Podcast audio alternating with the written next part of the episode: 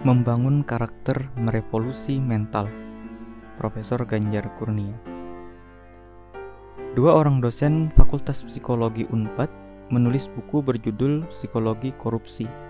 Dalam buku tersebut disebutkan bahwa keadaan korupsi paling tidak memiliki lima komponen, yaitu satu suatu perilaku, dua perilaku tersebut terkait dengan penyalahgunaan wewenang, tiga dilakukan untuk mendapatkan keuntungan pribadi atau kelompok. 4. Melanggar hukum atau menyimpang dari norma atau moral. 5. Terjadi atau dilakukan dalam public office setting. Dari lima komponen tadi, menarik kiranya apabila aspek perilaku mendapat perhatian utama karena korupsi sesungguhnya hanya bagian hilirnya saja. Muaranya sendiri adalah perilaku tidak jujur karena apabila berperilaku jujur, kalaupun mempunyai kesempatan dan wewenang di public office, seseorang seharusnya tidak akan mencari keuntungan pribadi atau kelompok dengan cara-cara melanggar hukum atau menyimpang dari norma yang berlaku. Ketika Montesquieu menggagas teorias politika, asumsinya adalah bahwa para penghuni dari ketiga lembaga tersebut yaitu legislatif, eksekutif, dan yudikatif, berperilaku jujur. Kita tahu bahwa kekuasaan bisa dijadikan ladang untuk memenuhi keinginan hedonisme pribadi, pundi-pundi kelompok atau golongan. Karena berbagai kepentingan tersebut, hubungan antar kelembagaan bisa saling kunci dengan kartu truf masing-masing dalam bentuk koalisi gajah tahu sama tahu. Di sisi lain, ketidakjujuran juga menyebabkan biaya ekonomi tinggi. Tengoklah bahwa sebagai sistem pengawasan ketidakjujuran, perilaku anggota lembaga dibentuklah berbagai komisi yang pada akhirnya berujung pada tambahan biaya dari keuangan negara. Di Indonesia, ketidakjujuran ini merebak di mana-mana, ke mana-mana. Sebagai contoh, ujian nasional sering kali menjadi teater total ketidakjujuran dengan aktor mulai dari para pejabat, guru, percetakan, bahkan orang tua. Demi anak, orang tua ikut sibuk mencari bocoran soal juga menyogok. Ada bocoran, pasti ada yang membocorkan. Ada yang menyogok, pasti ada yang disogok. Tragisnya, di dunia pendidikan yang disogok adalah orang-orang yang terutama harus menegakkan kejujuran. Hal yang sama juga terjadi pada penerimaan mahasiswa baru di perguruan tinggi. Masih ada upaya-upaya menitipkan anak agar diterima. Bayangkan, untuk pelaksanaan seleksi bersama masuk perguruan tinggi negeri atau SBMPTN, dibentuklah panitia nasional oleh para rektor dengan biaya sekitar 175 miliar rupiah melibatkan panitia yang bekerja sepanjang tahun membuat puluhan set soal dengan tingkat kerahasiaan tinggi.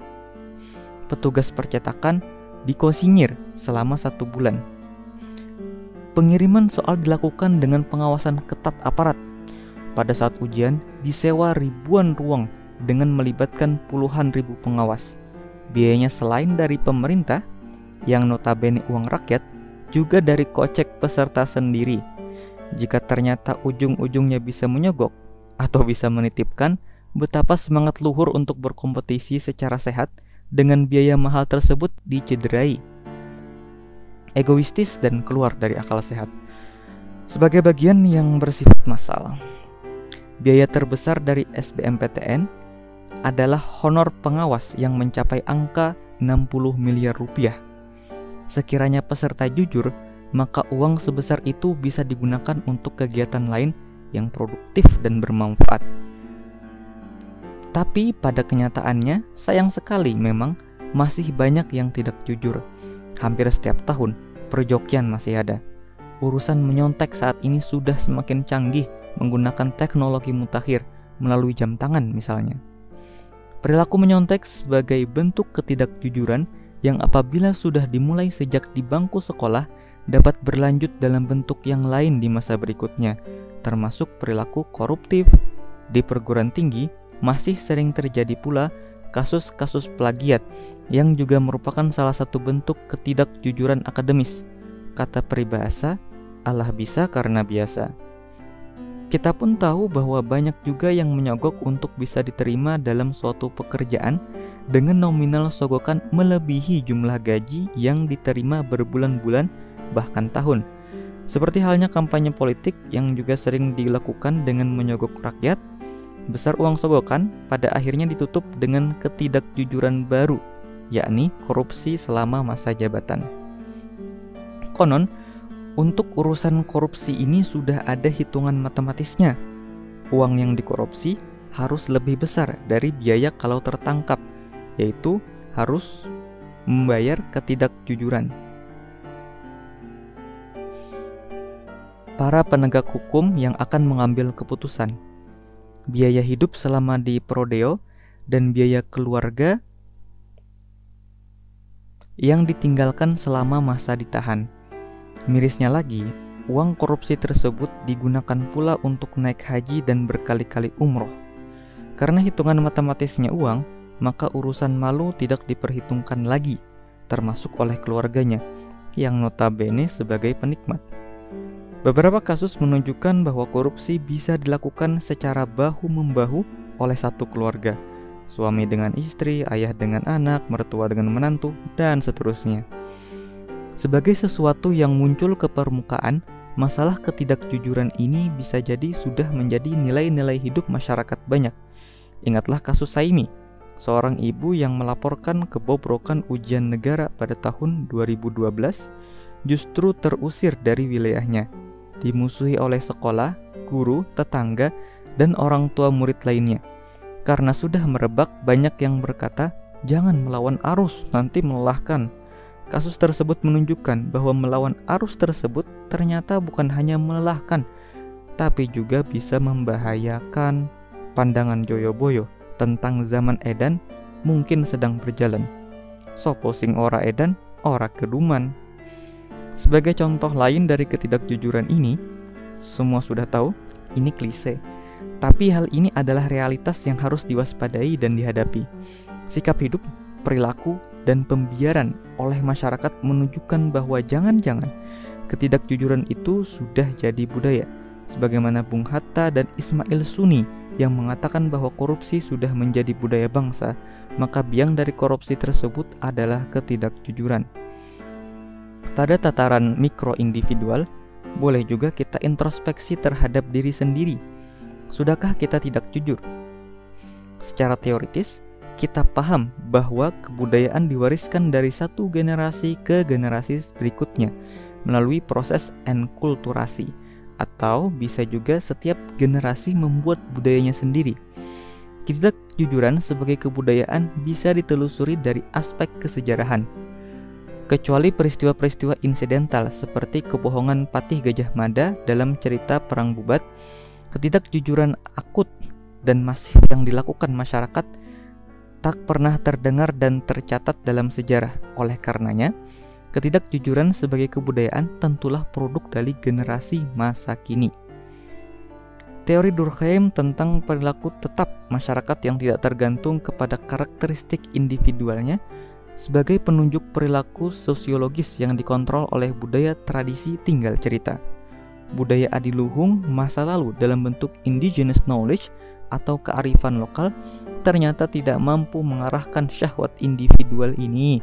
Ketidakberdayaan masyarakat dengan budayanya menyebabkan budaya destruktif seperti ketidakjujuran ini berada di atas angin, sehingga kalau dibiarkan akan menghasilkan budaya baru seperti dikemukakan di atas. Bukan hanya budaya adiluhung, agama sebagai inti dari nilai-nilai berperilaku ternyata sering dilupakan esensinya. Perhatikan bahwa sebagian yang korupsi tersebut selain bergelar akademis juga bergelar haji dan rajin sholat. Padahal ketika seseorang sholat, puasa, dan melaksanakan ibadah-ibadah sejenis, ia diharuskan mengontrol diri dan berdisiplin. Karena bukankah Allah tahu apakah wudhu kita batal atau tidak? Bagi mereka yang beragama Islam, ketidakjujuran akan terkait dengan pemaknaan rukun iman, terutama rukun iman tentang keberadaan Allah, malaikat, dan hari akhir. dari sisi kehidupan berbangsa dan bernegara terkait sisi pertama, yaitu ketuhanan yang Maha Esa. Intinya karena Tuhan dan malaikat ada dan selalu memiliki CCTV, maka harus diimani bahwa semua perilaku selalu diawasi. Walaupun ayat kursi sering dibacakan yang di dalamnya disebutkan Allahu la ilaha illa huwal hayyul qayyum la ta'khudhuhu sinatu wa la naum bahwa Allah tidak pernah mengantuk dan tidak pernah tidur tapi sayangnya lebih sering keyakinan bahwa Tuhan bangun tersebut masih sebatas pada saat ibadah yang bersifat ritual saja kita pun mengimani bahwa Allah Maha mengetahui Sami'un alim dan Maha melihat Sami'un basir di dalam surah Al-Alaq ayat 14 dikatakan pula, Tidaklah dia mengetahui bahwa sesungguhnya Allah melihat segala perbuatan manusia. Akan tetapi sebagaimana disebutkan di atas, mengetahui dan melihatnya Allah tersebut dipahami seolah hanya pada hal-hal yang berkaitan dengan pelaksanaan ibadah mahdoh atau murni saja. Kita tentu sudah sering mendengar cerita hikmah tentang seorang anak gembala yang diajak bekerja sama oleh Sayyidina Umar bin Khattab radhiyallahu an perihal gembalaan milik majikannya untuk menguji kejujuran dan ternyata dengan lugas anak itu menjawab kalau begitu Tuhan ada di mana Survei Balai Litbang Kementerian Agama tahun 2007 di 13 provinsi yang kemudian disitir oleh Kiai Haji Salahuddin Wahid menunjukkan bahwa ritual umat Islam Indonesia sangat tinggi 92% melaksanakan sholat lima waktu, 97,3% berpuasa Ramadan, dan 70% berzakat fitrah dan infak. Bahkan survei Profesor Riaz Hasan dari Flinders University menunjukkan angka yang lebih tinggi lagi. Saldun Wahid, Kompas 5 September 2015 Jikalau tingkat ritualitas tinggi, sementara ketidakjujuran juga tinggi, maka hal ini menunjukkan tidak adanya korelasi antara kesalehan spiritual dengan kesalehan sosial. Setelah berbilang tahun, amat disayangkan bahwa cita-cita Snok Horguronya akhirnya terwujud sudah para koruptor pun selain banyak yang bergelar haji, tingkat pendidikannya bukan main. Di dalam buku Psikologi Korupsi tercatat bahwa di antara mereka ada 332 doktor, 142 orang bergelar magister, 119 orang lulusan sarjana, dan 10 profesor yang menjadi koruptor. Banyak orang yang tidak setuju dengan sekularisme tapi realitasnya sekularisme dalam pengertian terpisahnya ibadah dengan kehidupan sosial keseharian ternyata bukan hanya dianut namun sudah dilaksanakan. Sebagai contoh, setiap melaksanakan sumpah jabatan, seorang pejabat akan dimulai dengan kata demi Allah. Tapi dalam praktik melaksanakan jabatannya, kata pertama dari sumpah tersebut sering kali seperti tidak dimaknai. Mereka lupa bahwa amanah yang diembannya bukan hanya harus dipertanggungjawabkan di dunia, namun juga di akhirat kelak. Kalau ukurannya keadilan dunia, banyak cerita tentang apabila koruptor tertangkap, hal itu hanya dianggap sebagai apes semata. Artinya yang tidak apesnya mungkin masih jauh lebih banyak lagi. Bisa jadi banyak koruptor bisa lolos dari jerat hukum bahkan tanpa proses pengadilan sedikit pun dari kacamata keadilan manusia, hal ini jelas-jelas tidak adil. Tapi bukankah kita memiliki iman terhadap adanya hari akhirat? Atau apakah sudah tidak percaya lagi dengan keberadaan hari akhirat ini?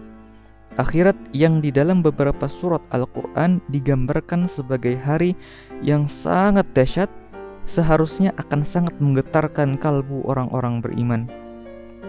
Menariknya, di negeri-negeri yang masyarakatnya jauh dari agama, kejujuran berdiri sangat tegak. Salah satu kuncinya adalah melalui pembudayaan kehormatan diri dan penegakan hukum. Kalau Tuhan saja lewat, kehormatan diri juga tiada, maka hukum harus dimainkan. Tadinya kehormatan diri bisa menjadi harapan, tapi sebagaimana dikemukakan di atas, ketika tujuan dunia lebih keras, yang ketika dihitung dengan ukuran matematika, korupsinya lebih menguntungkan, maka urat malu putuslah sudah. Adakah harapan terhadap hukum? Masalah hukum yang pertama adalah karena hukum tersebut sering kali dibuat oleh orang-orang yang tidak jujur atau dibuat oleh orang-orang yang punya kepentingan tertentu dalam rangka melegalisasi ketidakjujuran. Masalah kedua, hukum yang di antaranya didasari oleh semangat ketidakjujuran tersebut dilaksanakan oleh penegak hukum yang juga tidak jujur. Ketiga, masih ada kasus-kasus hukum yang tebang pilih atau tidak bisa menjangkau semua pihak. Kalau hukum tidak bisa ditegakkan, maka hukum hanya menjadi monumen semata. Cerita tentang marah-marahnya penumpang karena kereta api selalu telat yang untuk kemudian dengan sinisnya mohon agar jadwal perjalanan dibuang saja. Dijawab santai oleh kepala stasiun, kalau tidak ada jadwal, dari mana kita akan tahu terlambat atau tidaknya? Betapa ketika ketidakjujuran ini sudah muabah sampai-sampai kalau akan berkata jujur saja banyak orang yang merasa harus minta maaf terlebih dahulu. Dalam konteks berbangsa dan bernegara, bahaya besar sedang mengancam. Thomas Linkola dari Cortland University 1992 menyebutkan bahwa ketidakjujuran adalah tanda-tanda kehancuran dari suatu bangsa. Gagasan para pendiri bangsa ini yang menempatkan ketuhanan yang Maha Esa sebagai sila pertama dari Pancasila pasti bukan tanpa maksud. Asumsinya, apabila semua penduduk mengimani kebenaran Tuhan yang Maha Mengetahui, melihat dan membalas kebaikan serta keburukan, maka inti dari permasalahan pengelolaan kehidupan sudah terselesaikan. Hukum sesungguhnya hanyalah merupakan instrumen untuk mengatur persoalan-persoalan yang bertentangan dengan nilai-nilai ketuhanan. Konten penting dari revolusi mental adalah revolusi untuk memberdayakan kejujuran. Sehitam dan sebeku apa pun hati terhadap kebenaran, pasti bisa membedakan yang benar dan salah. Inilah modal dasar dari kefitrahan manusia. Kita gosok terus dengan nilai-nilai agama yang merupakan tugas para dai. Keberadaan Allah, malaikat hari akhir, surga neraka harus bisa dijadikan sebagai pengarah untuk berbuat baik dan mencegah kemungkaran yang kuat dalam diri seseorang termasuk konsekuensinya terhadap kehidupan kemanusiaan secara keseluruhan. Budaya kejujuran juga harus menjadi bagian dari kurikulum pendidikan yang langsung diamalkan. Salah satu inti dari pendidikan karakter dan revolusi mental adalah pendidikan kejujuran. Diperlukan guru-guru yang memiliki integritas terhadap nilai-nilai kejujuran tersebut. Selanjutnya, perguruan tinggi yang memiliki cita-cita menjadi center of excellence yakni lembaga pendidikan yang menghasilkan sumber daya manusia yang akan berkiprah dalam kehidupan, maka seharusnya dapat menjangkau lebih dari itu. Perguruan tinggi semestinya mampu menjadi lembaga yang meletakkan kejujuran sebagai nafasnya, menjadi miniatur dari tegaknya kejujuran, akhlak, dan aturan hukum. Jika tidak, maka akan jadi apa negeri tercinta ini? Jika institusi terpenting, yakni rumah, sekarang sudah terintervensi pula pada budaya tidak jujur, maka kita harus berupaya membalikannya lagi bahwa kejujuran harus berbasis dari rumah. Kita paham bahwa sosialisasi anak yang paling utama dalam internalisasi nilai-nilai berada di pundak ibu bapaknya di rumah. Modalnya, tidak akan ada orang tua yang ingin punya anak tidak jujur dan lebih jauh lagi terperosok pada keburukan. Budaya malu apabila melakukan kebohongan atau perilaku menyimpang bisa dikaitkan dengan penanaman nilai-nilai kehormatan diri. Sebenarnya hal ini pernah menjadi budaya bangsa Indonesia. Maka menghidupkan yang lama dengan cara-cara dan semangat kebaharuan akan memberi lebih baik lagi.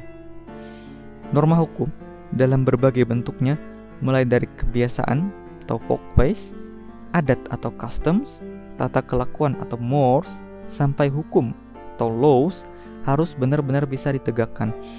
Pembiaran pada tingkatan apa pun akan berdampak terhadap eskalasi, dianggap tidak melanggar, bahkan ujung-ujungnya dianggap sebagai sesuatu yang benar hingga menjadi bentuk akhirnya sebagai budaya.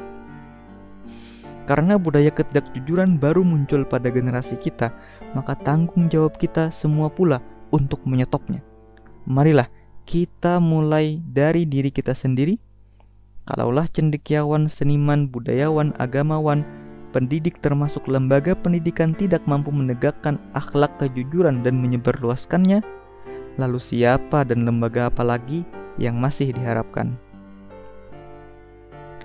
Penulis adalah seorang guru besar sosiologi, pertanian dan budayaan yang pernah menjabat sebagai rektor Universitas Pajajaran periode 2007 sampai 2015. Dia juga sempat menjadi atase pendidikan dan kebudayaan Indonesia di KBRI Prancis dan ikut aktif berkontribusi dalam mempromosikan kebudayaan Sunda.